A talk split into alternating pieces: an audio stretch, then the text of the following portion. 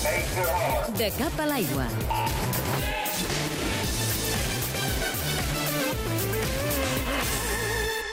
Ha decidit deixar Dinamarca, tancar una etapa i començar-ne una altra de nova a Sabadell, a casa.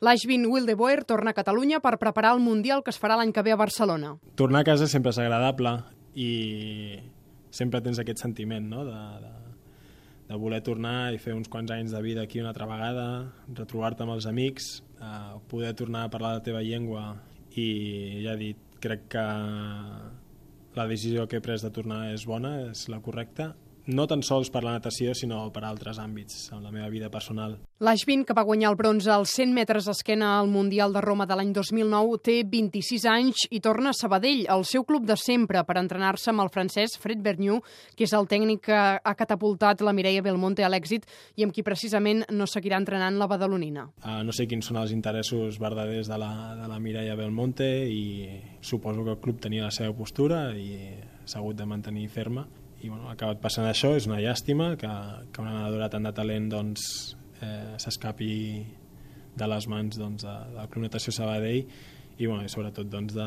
que no pugui seguir entrenant amb l'entrenador doncs, que realment amb el qui ha aconseguit els millors resultats. L'Ashvin té orígens holandesos, però és un esportista molt arrelat al país. En aquesta mateixa entrevista al Tot Gira diu que fins i tot li agradaria viure en una Catalunya independent.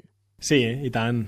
El cas és això, jo parlo amb amics, de, de, de, seria possible i bueno, eh, també sóc realista i veig que seria, seria algo molt complicat. Les grans empreses, les petites empreses depenen molt doncs, del comerç eh, tant nacional com internacional i el fet doncs, de que Catalunya s'independitzés estic segur doncs, que seria, sortiria perjudicada amb alguns d'aquests sectors